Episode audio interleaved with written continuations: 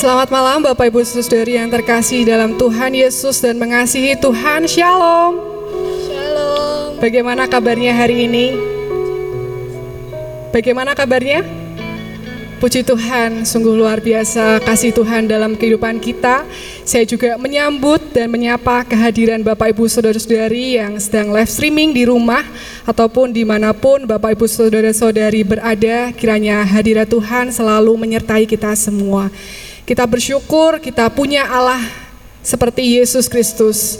Tidak ada Allah lain seperti Dia yang layak untuk kita sembah, layak untuk kita tinggikan. Suatu kesempatan yang istimewa Tuhan beri pada malam hari ini kita dapat datang beribadah ke rumah Tuhan. Kita sujud menyembah Dia, menaikkan setiap pujian penyembahan kita. Mari hari ini kita mau beri yang terbaik untuk Tuhan.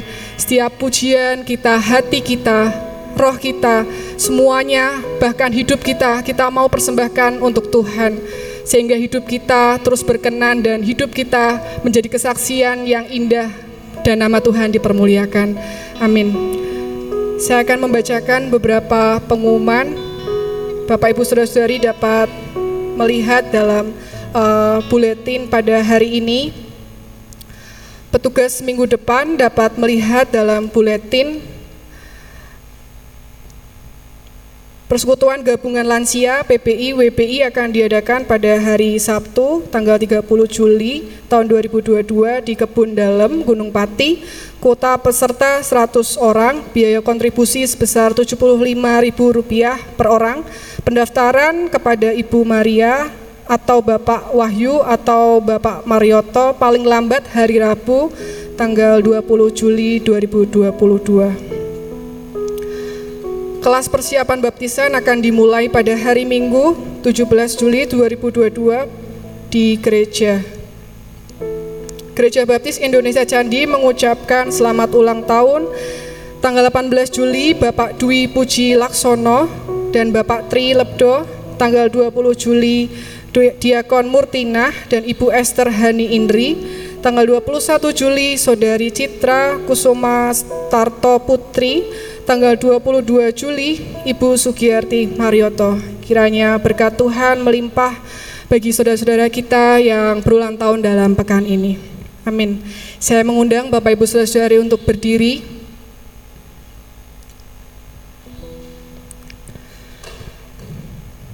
Mari kita persiapkan hati kita, pikiran kita. Kita mau bersaat teduh sejenak. Naikkan setiap pengagungan kita kepada Tuhan. Dia Allah yang layak untuk kita tinggikan dan kita sembah. Tiada nama lain yang indah selain nama Yesus Kristus.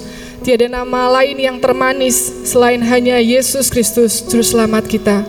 Mari kita terus naikkan pengagungan kita kepada Tuhan. Filipi 2 ayat 9 ayat 11 sampai 11 Itulah sebabnya Allah sangat meninggikan dia dan mengaruniakan kepadanya nama di atas segala nama supaya dalam nama Yesus bertekuk lutut segala yang ada di langit dan yang ada di atas bumi dan yang ada di bawah bumi dan segala lidah mengaku Yesus Kristus adalah Tuhan bagi kemuliaan Allah Bapa. Mari kita hampiri tahta Tuhan yang kudus. Kita mau lebih dalam menyembah Tuhan dengan pujian Kau yang terindah.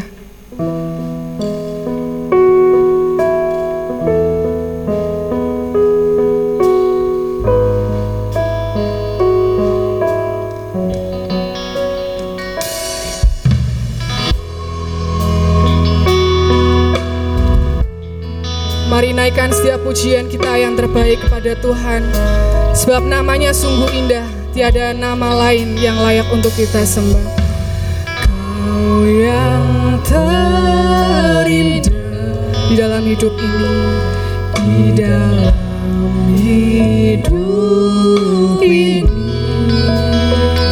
tiada Allah Tuhan yang seperti Engkau besar perkasa penuh kemuliaan. Kau yang termanis yang termanis di dalam hidup ini. Di dalam hidup ini. Ku cinta kau Tak kau lebih dari besar kasih setiamu kepadaku. Ku sembahkan ya Allahku ku tinggikan namamu selalu. Tiada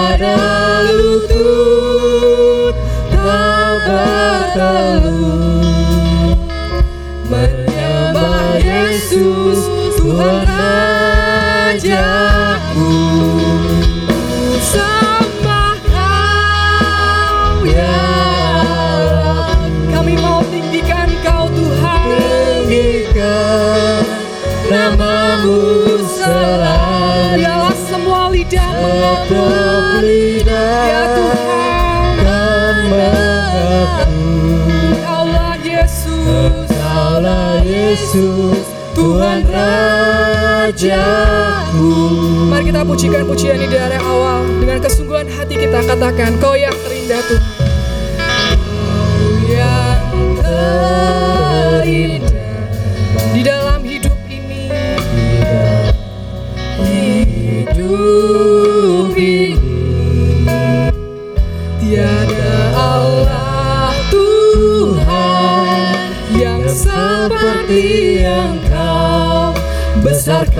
kasih penuh kepadaku Kau yang termanis. Kau yang termanis. Di dalam hidup ini. Di dalam hidup ini. Ku cinta kau Cinta kau lebih dari segalanya. Besar kasih Mari sembah dia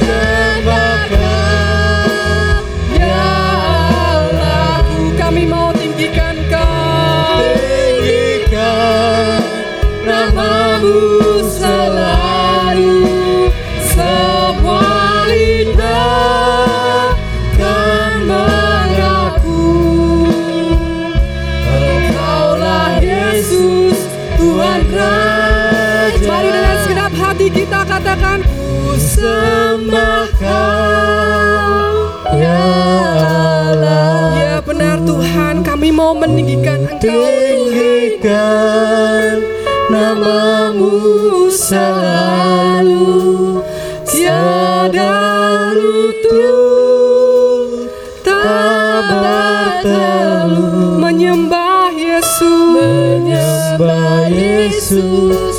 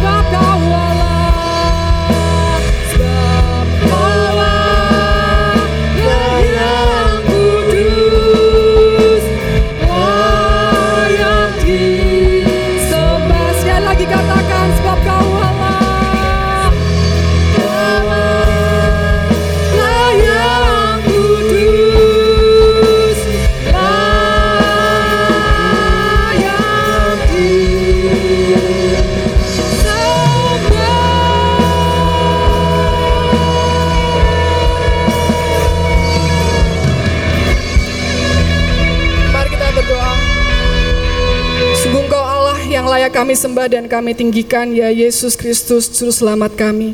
Kami bersyukur punya Allah seperti Engkau. Tiada Allah lain seperti Engkau yang selalu mengasihi kami, yang selalu menyertai kami dan tidak pernah meninggalkan kami barang sedetik pun Tuhan. Janjimu selalu digenapi di dalam kehidupan kami. Dan kami bersyukur Tuhan, Engkau Allah yang terus menerus memimpin kehidupan kami, menyertai kehidupan kami sampai dengan detik ini.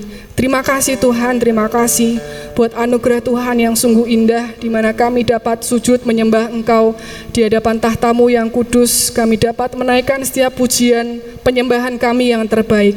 Layakan setiap kami Tuhan, hati kami, pikiran kami, semua yang ada di dalam tubuh kami Tuhan, sehingga kami layak dan berkenan di hadapan Engkau Tuhan. Pimpin dan sertai kami Tuhan pada malam hari ini Tuhan biarlah Engkau yang bertahta di hidup kami, di hati kami, di pikiran kami. Roh Kudus yang terus bekerja dan berkarya sehingga kehidupan kami sungguh dapat menjadi kesaksian yang indah. Hidup kami dapat dibaca oleh sesama kami dan kami rindu Tuhan setiap lutut dapat bertelut, setiap lidah dapat mengaku bahwa Engkau Yesus Juru Selamat dalam kehidupan kami. Dan biarlah Tuhan nama Engkau yang terus dipuji dan dimuliakan. Terima kasih Bapa, terima kasih Yesus. Segala puji, segala hormat, segala kemuliaan hanya bagi Engkau Yesus Kristus. Dalam nama Tuhan Yesus kami serahkan doa ini, ini ke dalam Tuhan kuasamu. Haleluya. Amin. Silakan duduk kembali. Ada sukacita malam hari ini, amin. Amin. Semua diberkati Tuhan. Amin. Amin. Amin. Yang diberkati Tuhan boleh lambaikan tangannya. Puji Tuhan, semua diberkati Tuhan dengan luar biasa. Bulan Juli ini Gereja Baptis Indonesia Candi mengambil tema karya Roh Kudus dalam penginjilan yang terambil dari Kisah Para Rasul 1 ayat 8. Kita percaya bahwa Allah telah memilih kita dan telah mengaruniakan kita roh kudus untuk kita dapat berani bersaksi memberitakan Injil di mana pun kita berada. Kapan saat yang tepat untuk kita dapat bersaksi Bapak Ibu Saudara-saudari? Sekarang. Sekarang? Sekarang. Sekarang? Sekarang. Katakan kepada kanan kiri bahwa sekarang saat yang tepat untuk memberitakan Injil.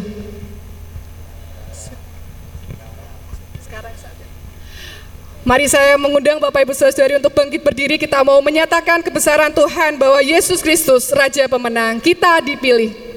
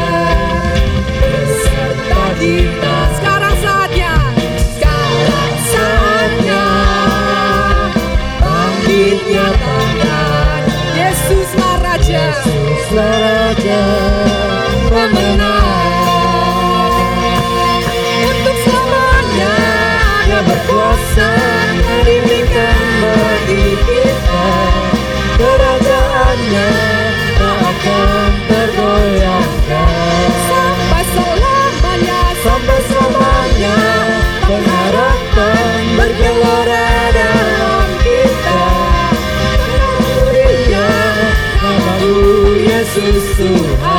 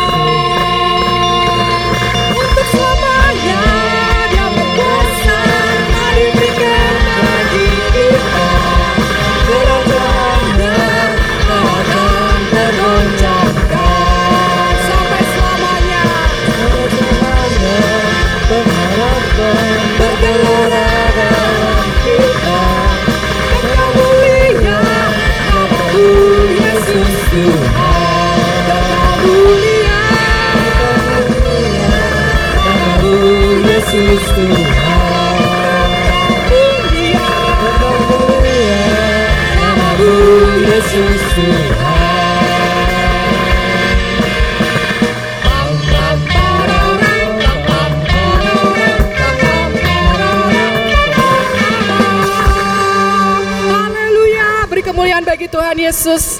Kita terus mau memuji Tuhan yang lebih semangat lagi, yang lebih antusias lagi karena kita adalah umat pilihan Allah yang telah diutus untuk memberitakan kasihnya.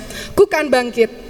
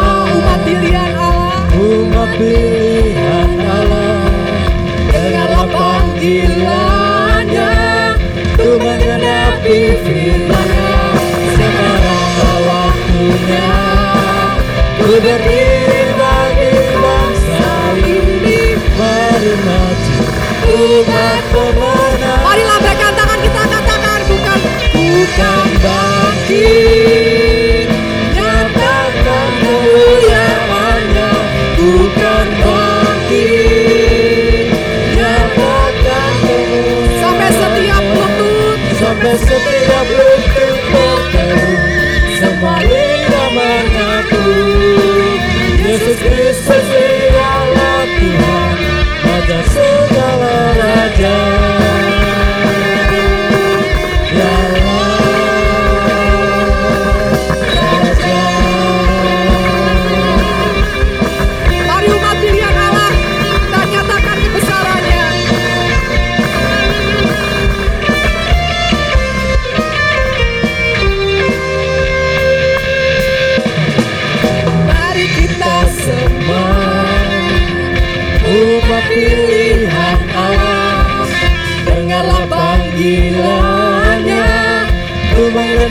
tapi banyak, Sekarang waktunya. Ku berdiri bagi bangsa ini. Mari maju. Umat pemenang. Bukan bagi Bukan bagi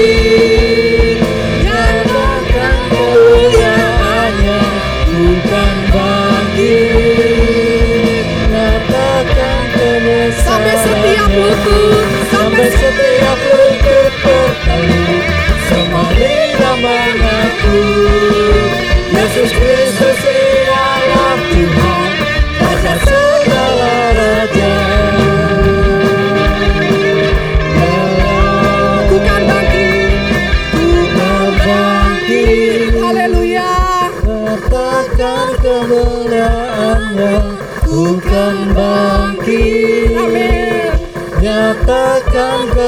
sorenya Sampai setiap lutut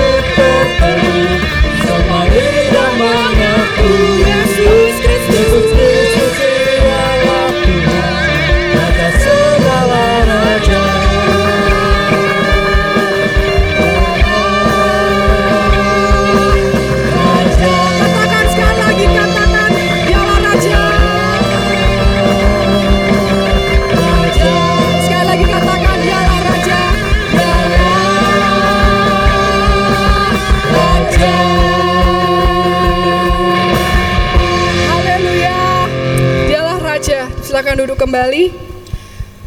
Saat ini kita akan memberi yang terbaik untuk Tuhan melalui persembahan persepuluhan dan persembahan khusus untuk PIGGBI. Saudari Lesna dapat menolong kita dalam doa persembahan. Mari kita berdoa. Bapa di surga, kami mengucap syukur untuk penyertaan-Mu Tuhan Yesus.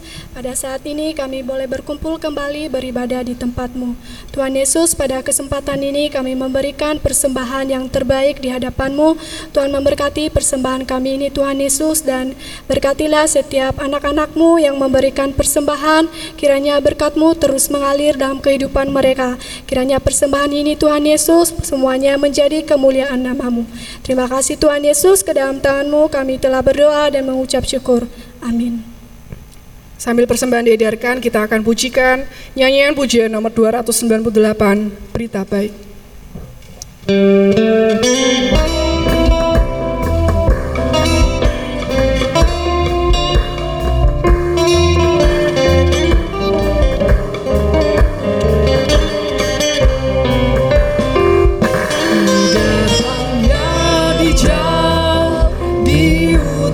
Rajaku dunia fana ini. Bukanlah rumahku sebagai utusan kerajaan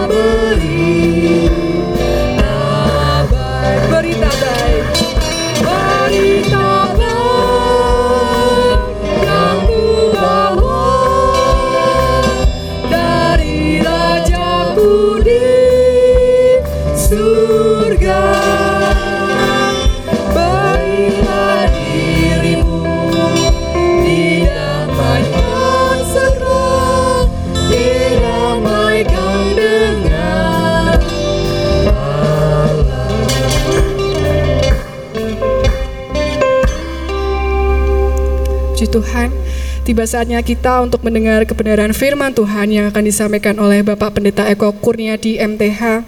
Biarlah hati kita terus digerakkan oleh Roh Kudus untuk kita melakukan amanat agung Tuhan. Kita dapat memberitakan Injil sehingga jiwa-jiwa yang terhilang, jiwa-jiwa yang tersesat, mereka dapat berjumpa secara pribadi dengan Kristus melalui kehidupan kita.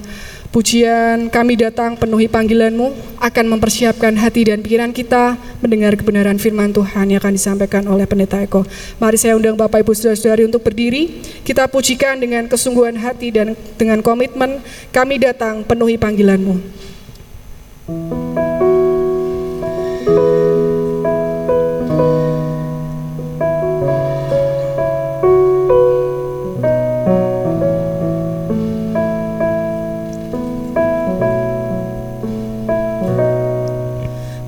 datang penuhi panggilanmu Tuhan. Dengan apa yang dapat kami berikan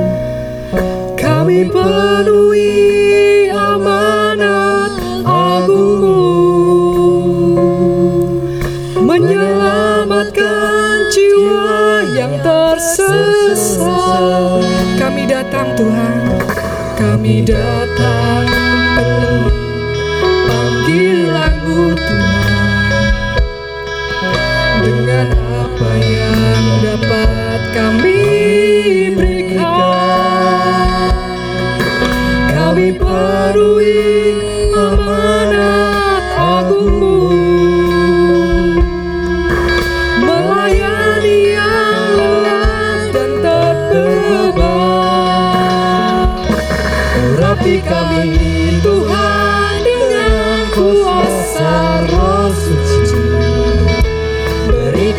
hati yang terbeban dan penuh kasih ilahi Penuhi kami dengan kuasa dari tempat yang tertinggi dan teguhkan semua kesaksian.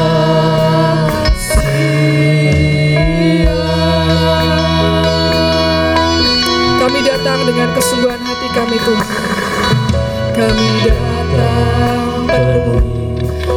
Panggilanmu Tuhan dengan apa yang dapat kami berikan? Kami penuhi amanat agungmu menyelamatkan jiwa yang tersesat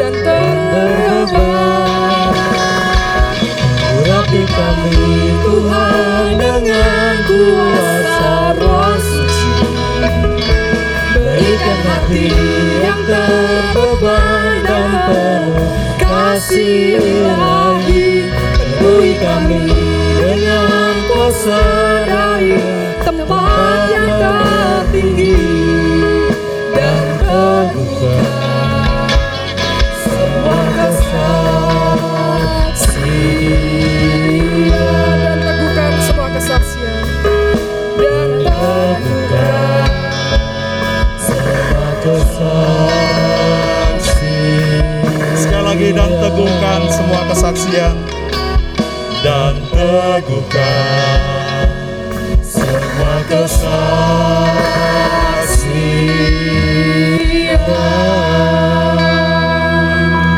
Kami bersyukur karena Engkau Allah yang baik, yang memberkati hidup kami, yang tidak pernah meninggalkan kami.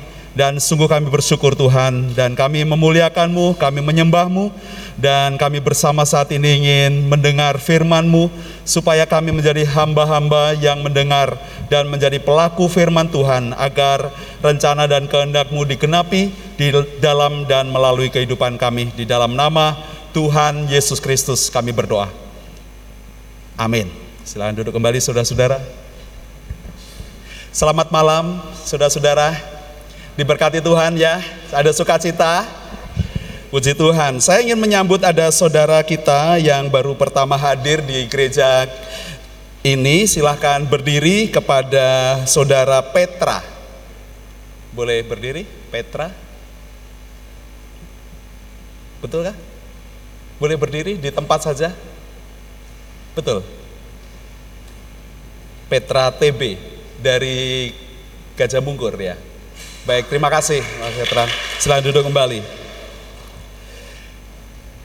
Saudara-saudara, saya ingin menyampaikan firman Tuhan dengan judul bersaksi bersama dengan Roh Kudus. Saya akan mengajak saudara membuka dalam Injil Yohanes pasal 1.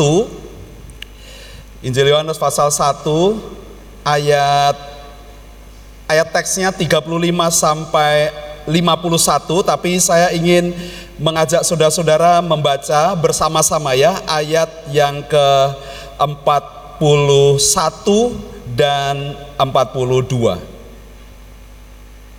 41 dan 42 Mari sudah menemukan Injil Yohanes 1 ayat 41 dan 42 Mari 1, 2, 3 Andreas mula-mula bertemu dengan Simon, saudaranya, dan ia berkata kepadanya, "Kami telah menemukan Mesias, artinya Kristus."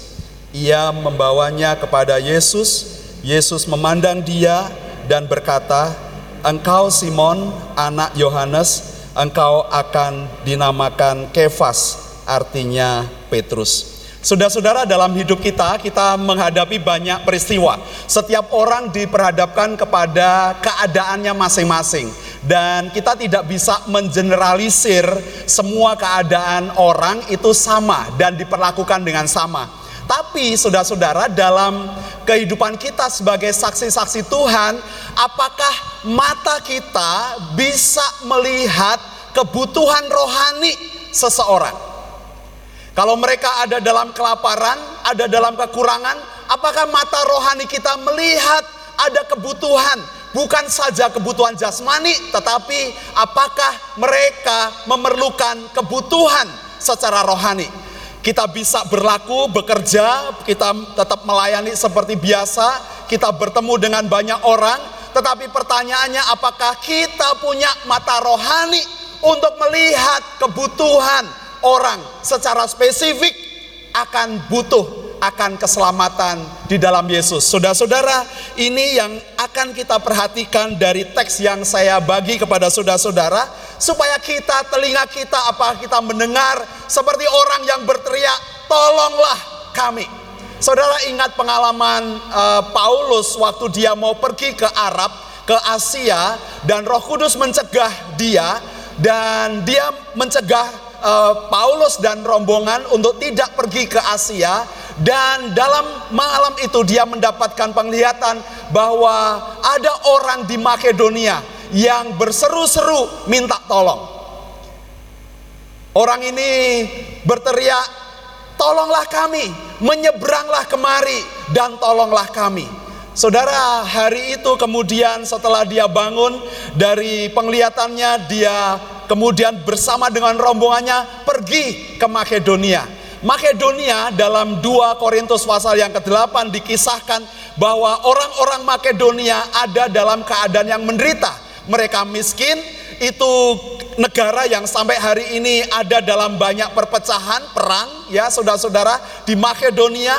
Tetapi dalam hari itu Tuhan berkata memberi perintah kepada Paulus untuk pergi ke Makedonia, menyeberanglah kemari. Dan Paulus meresponnya. Saudara, apakah dalam kehidupan kita sehari-hari kita melihat dengan mata iman kalau kita mau menjadi saksi Tuhan, apa kita melihat kebutuhan rohani orang yang kita berhadapan dan bergaul dengan mereka supaya kita bisa berbagi Injil.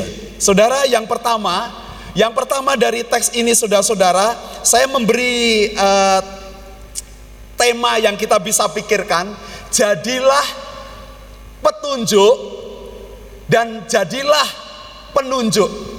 Jadi petunjuk dan penunjuk sekaligus. Saudara di jalanan itu banyak rambu ya. Kita tanpa polisi omongin kita udah tahu kalau belok kanan ya kita harus ikuti kanan. Kalau ada verboden di depan, kita tidak boleh nerak terus, tidak boleh. Kita harus berhenti dan kita harus balik arah.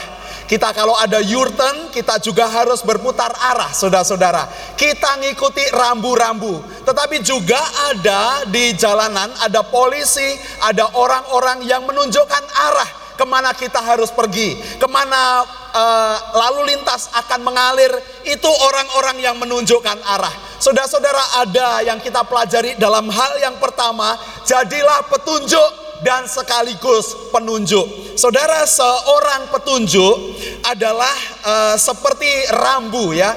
Uh, petunjuk itu adalah rambu.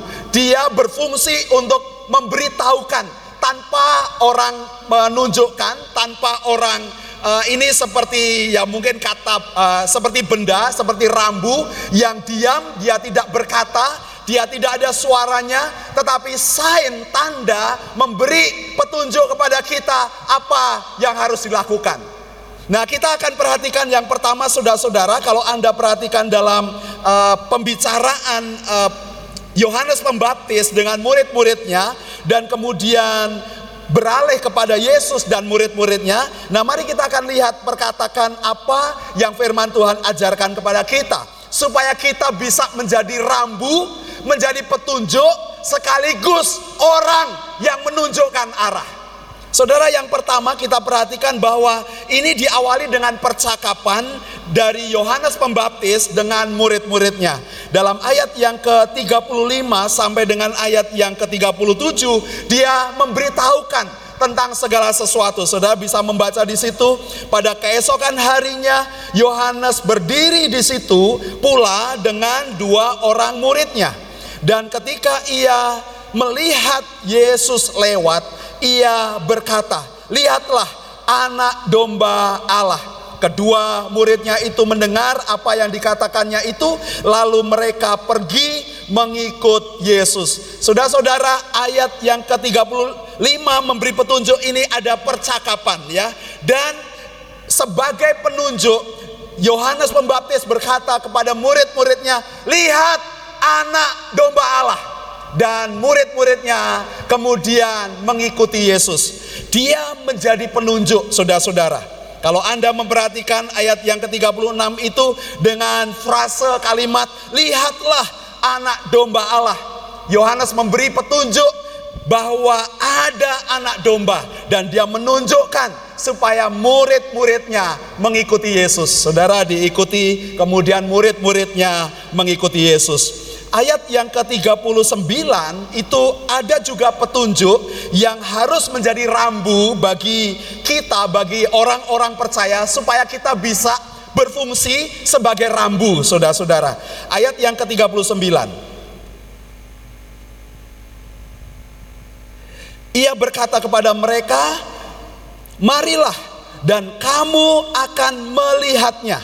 Mereka pun datang melihatnya di mana ia tinggal dan hari itu mereka tinggal bersama-sama dengan dia waktu itu kira-kira pukul 4 Yesus menjadi petunjuk. Dia menjadi rambu saudara-saudara. Tempat di mana dia berada. Dia bersama-sama dengan murid-muridnya. Kemudian ayat yang ke-41 juga ditunjukkan ini ada percakapan Andreas dengan Simon Petrus, saudaranya, dia berkata, dia menjadi petunjuk saudara-saudara. Dia berkata bahwa kami sudah menemukan Kristus. Kristus artinya yang diurapi, sama dengan Mesias. Itu artinya adalah yang diurapi. Dan dia memberitahukan ada tanda bahwa dia sudah bertemu dengan Kristus. Saudara dia menjadi rambu bagi adiknya. Ayat yang ke-45 dikatakan bahwa juga ini percakapan beralih dengan Filipus, kemudian juga dengan uh, Nathanael. Dia berkata bahwa kami telah menemukan dia seperti yang sudah dinubuatkan oleh Musa dalam hukum Taurat yang juga dijanjikan kepada Yusuf dan Maria orang Nazaret itu. Saudara-saudara, Nathanael waktu melihat petunjuk ini, melihat rambu ini, dia meragukan dan dia bertanya, dia berkata, "Apakah ada sesuatu yang baik keluar dari Nazaret?" Saudara-saudara, pertanyaan penting bagi kita ya. Apakah hidup Anda menjadi rambu bagi orang lain. Ini namanya gaya hidup, saudara-saudara. Apakah hidup kita menjadi petunjuk bagi orang lain? Orang melihat Anda seperti rambu, apa yang harus dan harus mereka lakukan. Orang melihat kita seperti rambu karena mereka tahu apa yang seharusnya dikerjakan. Saudara-saudara, yang kedua, mari kita lihat fungsi kedua adalah sebagai penunjuk. Orang yang menunjukkan arah. Ada direction yang dia tunjukkan supaya orang mengikutinya. Nah, dua hal ini penting. Kita menjadi orang yang menunjukkan, tetapi juga kita menjadi rambu, menjadi petunjuk itu. Nah, kita perhatikan ayat-ayat terkait dengan penunjuknya. Adalah orang yang menunjukkan arah yang ke mana kita harus pergi, arah yang benar atau arah yang tepat. Kita lihat ayat yang ke-36 tadi. Yohanes Pembaptis, dia ini berarti sepupuan dengan Yesus ya. Dia lebih tua, Dan mungkin ini pertanyaannya dari mana Yohanes Pembaptis tahu bahwa Yesus adalah Tuhan, adalah anak Allah. Nah pasti karena orang tuanya waktu dia uh, uh, dikandung dia memberitahukan apa yang terjadi karena Tuhan memberi menubuatkan bahwa Yohanes Pembaptis adalah orang yang dipersiapkan oleh Tuhan untuk mempersiapkan jalan bagi Kristus. Saudara-saudara, dia adalah petunjuk itu, tetapi juga yang kedua, dia berfungsi sebagai penunjuk. Dia yang menunjukkan arahnya. Dan ini yang kemudian digenapi di dalam kehidupan Yohanes Pembaptis waktu dia bersama dengan murid-muridnya. Nah, menurut tradisi saudara-saudara, Yohanes Pembaptis dengan uh, kelompoknya, dengan golongannya kaum esenik, kelompok inilah yang me menulis semua kitab-kitab dan mengamankan kitab-kitab di lembah-lembah Kumran. Mereka mempelajari dengan rahasia, saudara-saudara. Jadi sangat besar jasanya sebagai orang yang dipakai oleh Tuhan untuk mempersiapkan jalan bagi Mesias dan itu juga berguna bagi kita karena di, ternyata di lembah-lembah Kumran kalau Anda nanti baca kitab sejarahnya atau tulisan-tulisan literatur terkait dengan kitab-kitab saudara akan menemukan bahwa kitab-kitab ini dengan aman dengan rapi ditulis dan disimpan dan ini yang menjadi petunjuk bagi kita.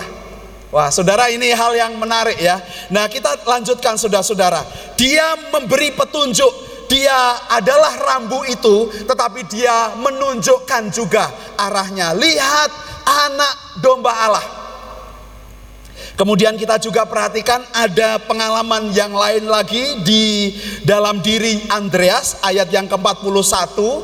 Saudara, Andreas waktu bertemu dengan Petrus setelah dia memberitahukan ada rambu yang dia lihat, kami sudah menemukan Kristus dan kemudian Andreas tidak ngomong banyak saudara-saudara, tetapi dia mengajak Simon Petrus, "Mari ikut kami dan kamu akan melihat sendiri dan bertemu dengan dia." Makanya Andreas membawa Simon kepada Yesus. Saudara, ini kalau kita praktekkan ini seperti uh, proyek Andreas Mungkin Anda tidak bisa ngomong banyak. Tetapi kalau Anda sudah menjadi rambu, menjadi petunjuk, Anda bisa menjadi orang yang menunjukkan seperti Andreas. Mungkin kita berkata, Pak Pendeta saya tidak bisa bersaksi. Pak Pendeta saya tidak fasih kata-kata saya. Pak Pendeta saya tidak bisa ngomong banyak. Tetapi saudara-saudara Anda bisa menjadi petunjuk. Anda bisa menjadi rambu. Orang melihat diri Anda dan mereka tahu apa yang harus mereka lakukan. Saudara bisa menjadi petunjuk, Anda bisa menjadi rambu. Waktu orang melihat bersentuhan dengan Anda, mereka tahu apa yang Tuhan ingin kerjakan dalam kehidupan mereka. Saudara-saudara, bukan berhenti di situ. Anda bisa, saya bisa, gereja kita bisa. Seperti Andreas, dia membawa Simon Petrus, membawa aja supaya dia bertemu sendiri dengan Tuhan. Saudara itu yang harus dikerjakan oleh gereja kita, oleh jemaat kita, oleh anggota setiap orang percaya.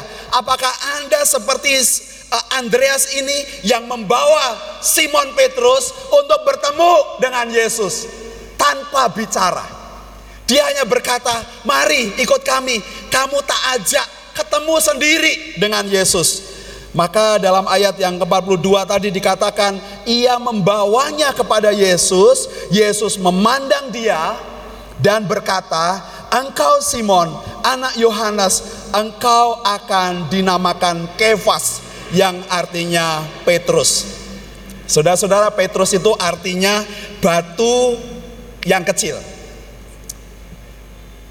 Ya, batu yang kecil. Nanti ada Petra waktu Tuhan mendirikan jemaat di atas batu karang yang besar, itu Petra. Jadi Petros itu batu yang kecil.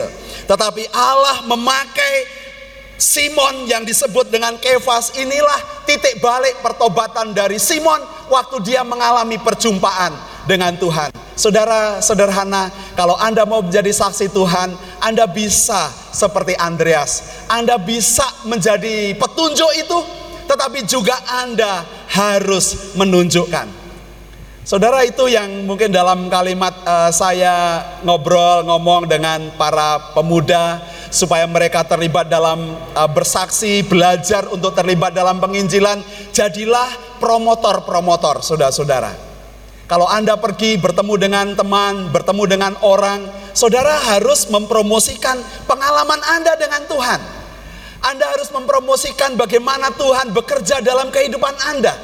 Anda cerita tentang kehidupan Anda yang berpengalaman dengan Tuhan, itu adalah penunjuk, saudara-saudara, karena orang akan melihat petunjuk yang dalam hidup Anda menjadi rambu bagi mereka, dan Anda sekaligus menjadi penunjuk yang mengarahkan mereka, mempromosikan mereka kepada jalan Tuhan.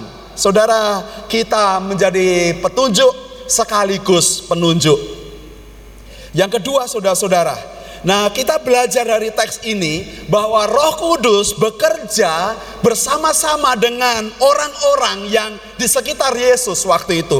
Roh Kudus bekerja di antara Yohanes Pembaptis. Dia bekerja di antara murid-muridnya. Karena kalau saudara lihat perhatikan ayat-ayat sebelumnya bahwa orang-orang yang dipimpin oleh Roh Kudus, mereka yang mengenal Yesus karena pekerjaan Roh Kudus. Saudara juga bisa membaca dalam Roma 8 dari ayat 10, 11, 12, 13, 14 bahwa orang yang menyebut dirinya anak Allah itu karena mereka sudah dipimpin oleh Roh Kudus. Roh Kudus bersaksi dengan roh kita bahwa Yesus adalah Tuhan. Tanpa pekerjaan Roh Kudus, saudara-saudara, tidak ada orang yang percaya Yesus. Tidak ada kita bisa mengaku bahwa Yesus adalah Tuhan. Tidak. Alkitab memberitahukan bahwa Roh Kudus lah yang bekerja dalam kehidupan kita. Itu alasan bagi kita semua sebagai orang-orang Kristen, mari kita hidup di dalam doa, saudara-saudara, supaya kita bisa peka akan suara Tuhan bekerja dalam kehidupan kita. Kesombongan kita ditekan, keminderan kita dikuatkan supaya kita tidak minder. Kita yang takut, kita diberikan keberanian. Petrus, Paulus berkata banyak hal tentang itu.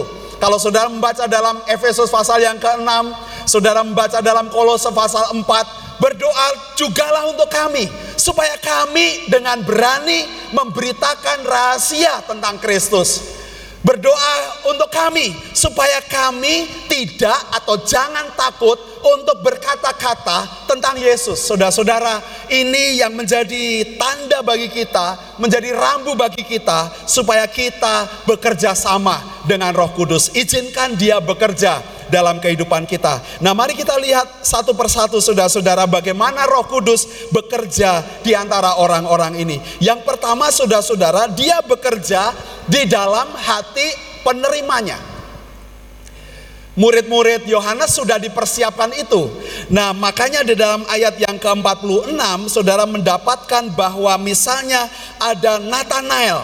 Nathanael ini orang yang skeptik ya, orang yang uh, ragu, selalu menguji, selalu bertanya, selalu meneliti kebenaran. Nah, ini orang yang skeptis itu tidak berarti orang yang negatif karena orang yang skeptik itu artinya orang ini mau punya argumentasi yang kuat, alasan yang kuat supaya dia bisa percaya. Jadi orang yang skeptik itu diperlukan saudara-saudara, kacamata skeptik untuk meneliti, untuk bertanya, mencari tahu kebenaran, bukan menolak.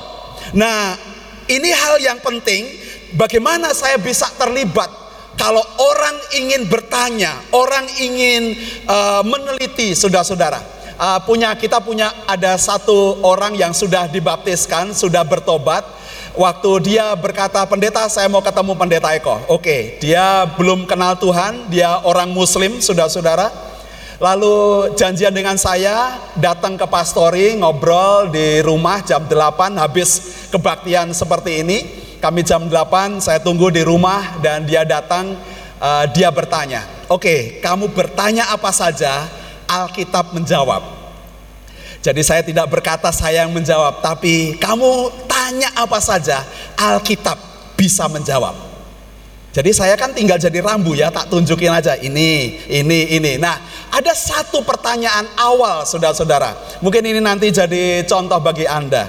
Saudara tahu ya bahwa uh, saudara-saudara kita itu percaya bahwa uh, bahasa yang di sorga itu bahasa Arab ya. Semua tahu itu kan? Dan itu bahasa surga saudara-saudara. Makanya kitab sucinya tidak boleh diganti-ganti bahasa. Ya satu itu, oke. Dia bertanya kepada saya, tetapi Alkitab yang menjawab saudara. Oke baik, jadi saya bertanya lah, lalu Adam dan Hawa itu pakai bahasa apa? Ada yang mau jawab, Adam dan Hawa pakai bahasa apa? Dulu Mbak Lesna sama Mas Dwi Yusuf waktu ngobrol itu pakai bahasa. Enggak itu Natal kemarin ya mereka jadi Adam dan Hawa. Saya enggak ngomongin tentang mereka. Lalu dia juga iya pakai bahasa apa Pak ya? Ya kita juga nggak tahu saya juga enggak tahu. Tapi menurut uh, tradisi kemungkinan itu pakai bahasa Adamik. Ya jadi bahasanya manusia waktu itu Oke, nah kemudian saya bercerita Anda membaca dalam kejadian pasal 11 ayat 1 Dikatakan waktu mereka membangun menara Babel saudara-saudara Alkitab memberi keterangan bahwa hari itu seluruh orang di muka bumi satu bahasa, satu logatnya. Jadi baru Alkitab me mengungkapkan bahwa hari itu seluruh bangsa, seluruh manusia yang membangun menara Babel itu punya satu bahasa, satu logatnya. Baru satu ayat ini dia langsung berkata, "Oh, iya ya, pendeta. Oh, udah dah saya ngerti. Oke, mau tanya apa lagi? Udah, Pak, udah cukup." Jadi baru satu pertanyaan, satu dijawab dan selesai Saudara-saudara. Jadi tidak berhenti saudara, setelah dia dibaptis, percaya Tuhan, eh ada itu saksi Yehova. Saksi Yehova datang dengan kepadanya dan ngobrol banyak tentang itu dan dia bingung ya. Dia tanya kepada saya, saudara-saudara tidak berhenti. Dalam perjalanan sejarah kekristenan kita selalu ada interupsi, ada gangguan, ada distraction, ada gangguan, ada filsafat, filsafat, prinsip-prinsip tetapi saudara-saudara, apa yang harus kita lakukan? Anda bisa berdoa supaya orang digugah rasa ingin tahunya, mereka digugah supaya mereka yakin akan jawaban, berdoa supaya Alkitab menjadi jawaban bagi hidupnya, bukan karena kefasihan bahasa kita. Saudara ini hal yang penting bagi kita. Alkitab memberitahukan Paulus berkata bahwa pemberitaan kami bukan dengan perkataan, tetapi dengan kuasa. Jadi kalau Anda mau terlibat di dalam pemberitaan Injil saudara-saudara, rendam diri Anda dalam doa. Bermandikan doa saudara-saudara. Doa secara pribadi, doa secara korporat ada di dalam karakter kehidupan Kristen kita. Yang kedua, kalau Anda belajar juga bagaimana isi tentang Injil itu. Saudara kalau membaca di dalam ayat yang sudah kita baca tadi, ayat 41 ayat atau ayat yang ke-45 bahwa kami sudah menemukan Kristus yang artinya Mesias yang diurapi itu. Ini adalah janji mesianik yang digenapi saudara-saudara. Seperti pengkhotbah kita tadi pagi, Pendeta Suntoko berkata, uniknya Alkitab ini karena firman Tuhan ini berisi tentang nubuat-nubuat dan perjanjian baru menggenapi semua nubuat-nubuat. Bukan cerita-cerita, saudara-saudara. Alkitab memberitahukan bahwa firman Tuhan ini adalah isi tentang Mesias, tentang janji Mesias. Memang aku nggak bisa seperti pendeta Suntoko yang pinter bahasa Yunani ya. Saya sendiri ya ketawa saudara, wah kok pinter men ya orang itu ya. Saya itu mau ngisoe ono uh, probaton ono uang angon probaton neng isor dendron. Itu ada bahasa Jawa bahasa Yunani-nya juga. Aku hanya pintar begitu saudara-saudara. Wah ini orang luar biasa ya. Saudara anda bisa nanti cek di YouTube-nya saudara belajar bahwa ini adalah janji mesianik saudara-saudara dia menggenapi di dalam Yesus Kristus dan orang melihat petunjuk itu dan menunjukkan pakai petunjuk itu untuk menunjukkan jalan yang benar. Nah, bagaimana yang harus kita lakukan? Saudara tentu harus belajar tentang cara. Mungkin cara yang gampang tadi saya contohi. Saudara bisa minta kepada orang, bertanyalah apa saja kepada saya, biar Alkitab yang memberi jawaban kepada Anda. Karena aku nggak bisa bersaksi apa-apa. Tetapi saudara bisa memakai Alkitab dan biarlah Alkitab bicara tentang dirinya untuk menjawab pertanyaan-pertanyaan. Saudara, saya percaya Alkitab mampu untuk memberi semua jawaban untuk semua pertanyaan. Saudara ini hal yang penting ya. Makanya belajar tentang metode. Mungkin hal yang khusus hari ini tentang memakai Alkitab untuk menjadi jawaban kepada orang lain. Yang ketiga saudara-saudara dalam uh, bagaimana Roh Kudus bekerja bersama dengan kita, saudara melihat bahwa Yohanes uh, dan murid-muridnya ini diberikan keberanian dan hikmat Kenapa saya menyimpulkan demikian, saudara-saudara? Anda tahu bahwa hidup Yohanes Pembaptis itu kemudian dipenggal, dia dibunuh ya oleh Herodes. Karena orang-orang kaum Esenik itu uh, cenderung dengan orang-orang uh, pemberontak, dengan orang yang revolusioner, Bahkan kalau murid Yesus ada Simon orang Selot, itu aliran Selotis itu aliran uh, yang radikal. Jadi karena mereka ada di bawah penjajahan Romawi, jadi kelompok eh, Yohanes Pembaptis ini termasuk kelompok yang radikal.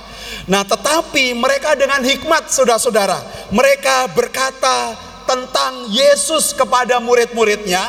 Lalu saudara juga punya pengalaman bisa membaca di dalam Matius 4 waktu Yohanes uh, berkhotbah di antara uh, para imam-imam Yahudi, orang-orang Farisi, bertobatlah dia berani menegur dalam khotbahnya, kerajaan Allah sudah dekat. Hai kamu ular beludak, bertobatlah karena kerajaan Allah sudah dekat. Saudara-saudara, dia orang yang berani. Nah, ini yang perlu juga ada. Apa yang bisa saya terlibat di dalam saya memberitakan Injil? Perlu berani, tetapi juga dengan hikmat. Saya pernah diundang diskusi di Departemen Agama waktu di Jakarta. Saya mewakili denominasi kita saudara-saudara senasional dan kita merumuskan tentang dakwah, tentang pemberitaan Injil. Karena menurut orang, oh ini memberitakan Injil adalah bertentangan dengan undang-undang. Tidak, saudara-saudara. Karena semua agama, semua kitab punya misi, saudara. Punya dakwah Ya, itu kalau bahasa uh, sepupu kita. Punya dakwah dan kita perlu. Nah, saya menambahkan begini.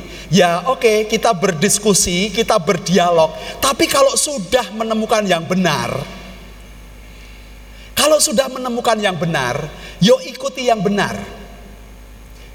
Itu orang yang berdialog secara dewasa. Nah, saudara-saudara, kita diberi keberanian oleh Tuhan itu alasan Paulus minta supaya jemaat Kolose, jemaat Efesus berdoa bagi dia. Saudara-saudara, pemberitaan Injil bukan pekerjaan perseorangan saja. Anda perlu mendoakan, saling mendoakan di antara kita. Teman-teman Anda, saudara bertemu dengan orang-orang yang tidak kenal Tuhan. Saudara perlu mendoakan mereka, menguatkan mereka. Saudara perlu ambil bagian supaya mereka diberikan keberanian, supaya berita tentang Injil disampaikan. Saudara-saudara, gereja, pelayanan kita, pekerjaan kita itu semua sama, saudara-saudara. Di mana tempat kita perlu memberitakan Injil, apalagi orang-orang seperti saya yang bekerja di gereja melayani Tuhan, wajib ngomong tentang Yesus wajib memberitakan Injil. Pantengin anak-anak sekolah minggu, pantengin anak-anak remaja supaya mereka ambil step percaya kepada Tuhan. Saudara, itu visi, misi yang harus dikerjakan dalam kehidupan kita. Betapa banyak kita sudah terjebak di dalam praktek-praktek agama dan praktek-praktek pelayanan tanpa kita berfokus kepada jiwa-jiwa. Kita mengerjakan hal-hal yang administratif, tetapi kita tidak mengerjakan hal mantengin jiwa-jiwa yang sedang berjalan menuju kepada jurang maut. Saudara, apakah saudara mendengar telinga Anda mendengar, telinga rohani Anda mendengar orang yang menjerit minta tolong? Apakah mata rohani saya dan Anda melihat kebutuhan mendasar dari orang mari menyeberanglah kemari, tolonglah kami.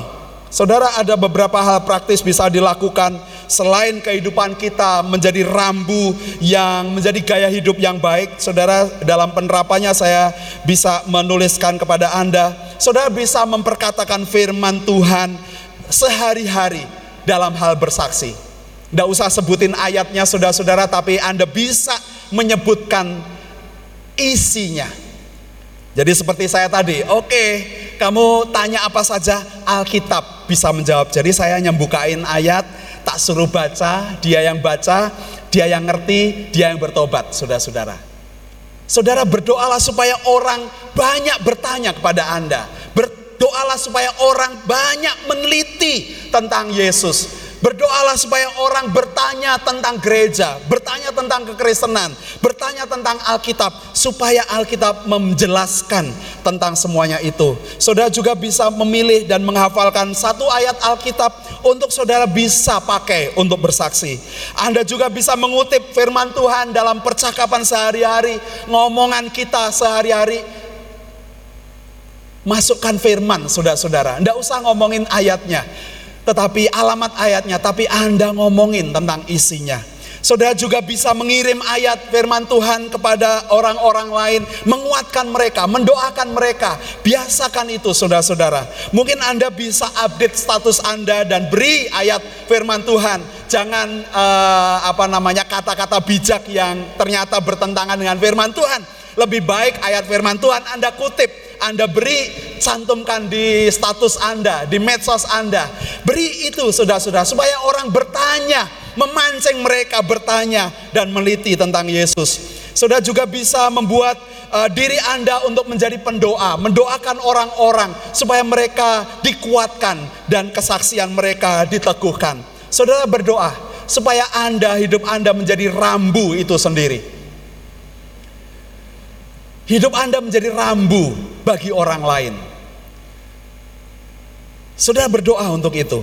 Sudah juga bisa mengajak orang, menunjukkan orang, mari ikut supaya kamu bertemu sendiri dengan Tuhan.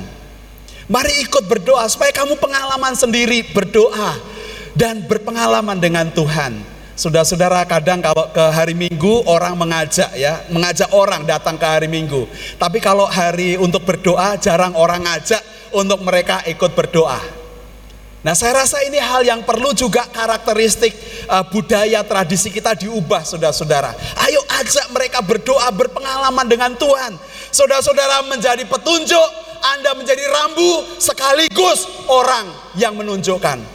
Dan supaya firman Tuhan digenapi di dalam kehidupan kita. Mari kita akan merenungkan firman Tuhan, saudara-saudara, kita akan berdoa kita akan uh, berinteraksi dengan Roh Kudus bicara kepada Tuhan, Tuhan, aku mau jadi rambu bagi orang lain. Bentuklah hidupku supaya aku menjadi petunjuk bagi orang. Karena firmanmu menunjukkan kebenaran dan aku hidupi.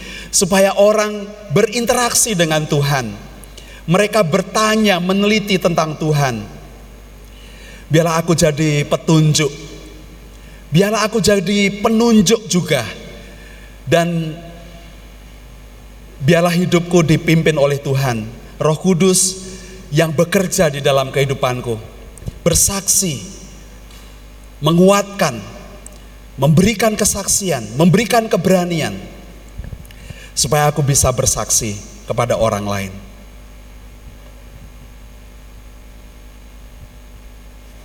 Ambillah satu komitmen saudara-saudara ada hal praktis, banyak hal-hal praktis.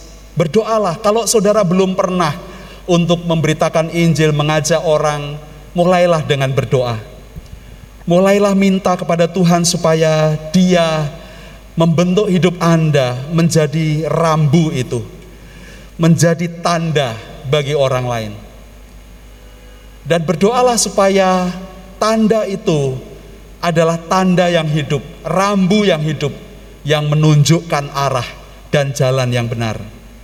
Dan orang berpengalaman dengan Tuhan. Mungkin ada di antara saudara ada yang ingin didoakan secara khusus bisa ke depan dan saya akan berdoa bagi Anda. Ada saya, ada Ibu Hendy eh, siap berdoa untuk Anda. Apakah ada saudara-saudara pergumulan Anda? Biarlah dia mengerjakan maksudnya dalam hidup Anda supaya hidup Anda menjadi petunjuk sekaligus penunjuk. Anda dibentuk oleh Tuhan menjadi rambu dan sekaligus menjadi penunjuk arah ke mana orang harus mengenal Tuhan. Mungkin ada saudara-saudara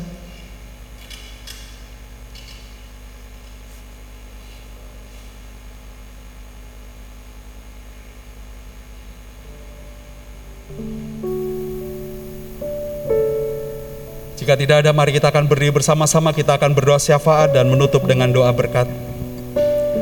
Bapa di dalam surga, kami bersyukur untuk firman-Mu, supaya kami semua jemaat-Mu, gereja Tuhan, orang-orang percaya, kami memiliki kehidupan yang menjadi petunjuk bagi orang lain. Dan agar kami juga punya peran untuk menunjukkan ke arah mana yang benar sesuai dengan firman-Mu. Tuhan, pakai kami jemaat-Mu dan kami sungguh bersyukur. Tuhan terus membentuk hidup kami supaya kami bisa terlibat dalam karya kasih Tuhan yang Tuhan ingin kerjakan di dunia ini untuk memberitakan keselamatan tentang Yesus kepada banyak orang. Terima kasih untuk pelayanan kami, terima kasih untuk setiap peran kami yang Tuhan sediakan bagi kehidupan kami. Saat ini kamu, kami mau bersyafaat bagi bangsa dan negara kami. Secara khusus Tuhan, kami berdoa untuk dunia ini yang sedang diantisipasi ada krisis global yang terjadi secara uh, sistematik. Kami tahu ada 36 sampai 94 negara yang akan memasuki uh, fase menjadi negara-negara miskin, negara-negara yang bangkrut karena secara ekonomi, secara politik, uh, kami berdoa untuk negara-negara ini supaya mereka semua diberi uh, hikmat oleh Tuhan, pemimpin-pemimpin dunia ini uh, bekerja bersama-sama untuk mencegah kebangkrutan dari negara-negara ini. Kami tahu beberapa negara sudah ditinggalkan pemimpin-pemimpinnya dan negara-negara sedang ada dalam keadaan yang kacau. Kami mohon Tuhan dan berkatilah termasuk pemimpin kami Presiden Jokowi menjadi salah satu satgas krisis global yang sedang terjadi yang berusaha untuk membuka uh, kembali putusnya rantai makanan di dunia ini yang mengancam 1,7 miliar orang akan menghadapi bahaya kelaparan.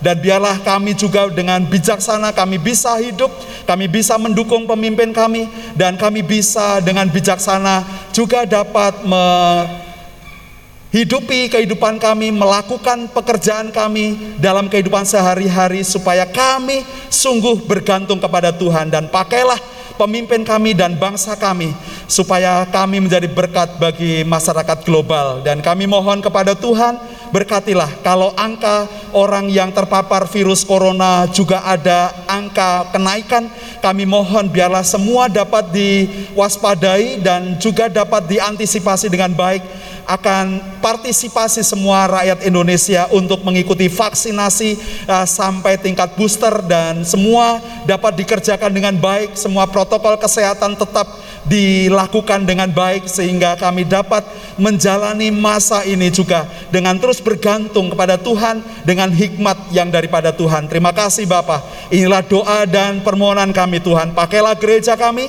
melalui pelayanan kami, pelayanan compassion, PPA kami, pelayanan sekolah kami, pelayanan misi dan pelayanan dari gereja ini. Pakai semua kami supaya kami sungguh menjadi berita kerajaan Allah, menjadi kabar baik bagi orang lain dan kami juga menjadi uh, anak-anak uh, Tuhan yang memberitakan dan memperluas kerajaanmu karena Engkau Allah satu-satunya pencipta yang memiliki kehidupan kami. Inilah doa dan permohonan kami di dalam nama Tuhan Yesus Kristus kami berdoa. Jemaat Tuhan pulanglah, bawalah berkat dan kasih sayang dari Bapa di dalam Tuhan Yesus Kristus dan Roh Kudus dengarkanlah dia maka dia akan memberitahukan kepadamu jalan-jalannya sehingga hidupmu diberkati. Diberkati dengan kasih dan sukacita. Kebajikan dan kemurahan Tuhan akan mengikutimu ke mana pun kau pergi. Engkau akan diberkati dengan kesehatan, perlindungan dari segala macam penyakit dan bahaya. Dia akan memberkatimu dengan anak-anak dan keturunanmu akan menjadi berkat bagi bangsa-bangsa. Dia akan memberkatimu dengan secara total, melimpahkan rezeki dengan murah hati dan setiap tangan-tanganmu yang bekerja diberikan keterampilan, diberikan keberhasilan dan keberuntungan dan saksikanlah pada orang lain apa yang sudah Bapamu perbuat dalam kehidupanmu sehingga orang melihat perbuatan Bapamu yang baik, Bapa yang engkau sembah itu supaya mereka juga menyembah Bapamu yang di sorga. Terima kasih Tuhan Yesus, inilah ibadah kami, korban syukur dan puji-pujian. Kami naikkan untuk Engkau saja, Yesus Kristus, Kepala gereja kami, dari sekarang sampai selama-lamanya. Haleluya. Amin.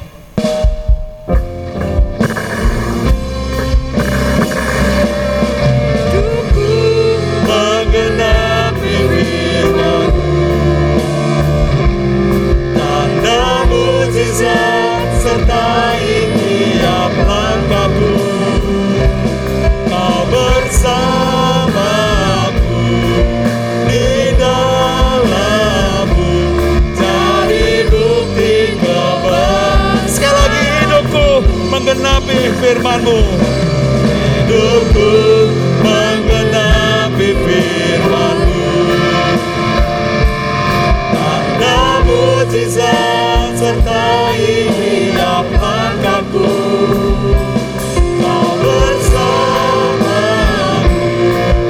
Di.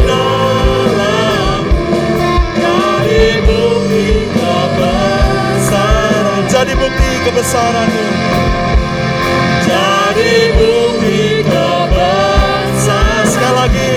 Jadi bukti kebesaran-Mu. Jadi bukti kebesaranmu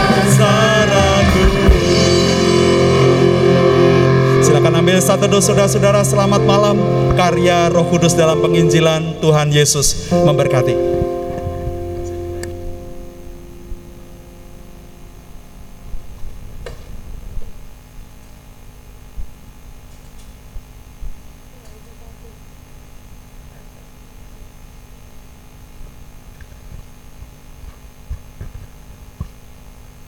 Selamat malam, Tuhan Yesus memberkati.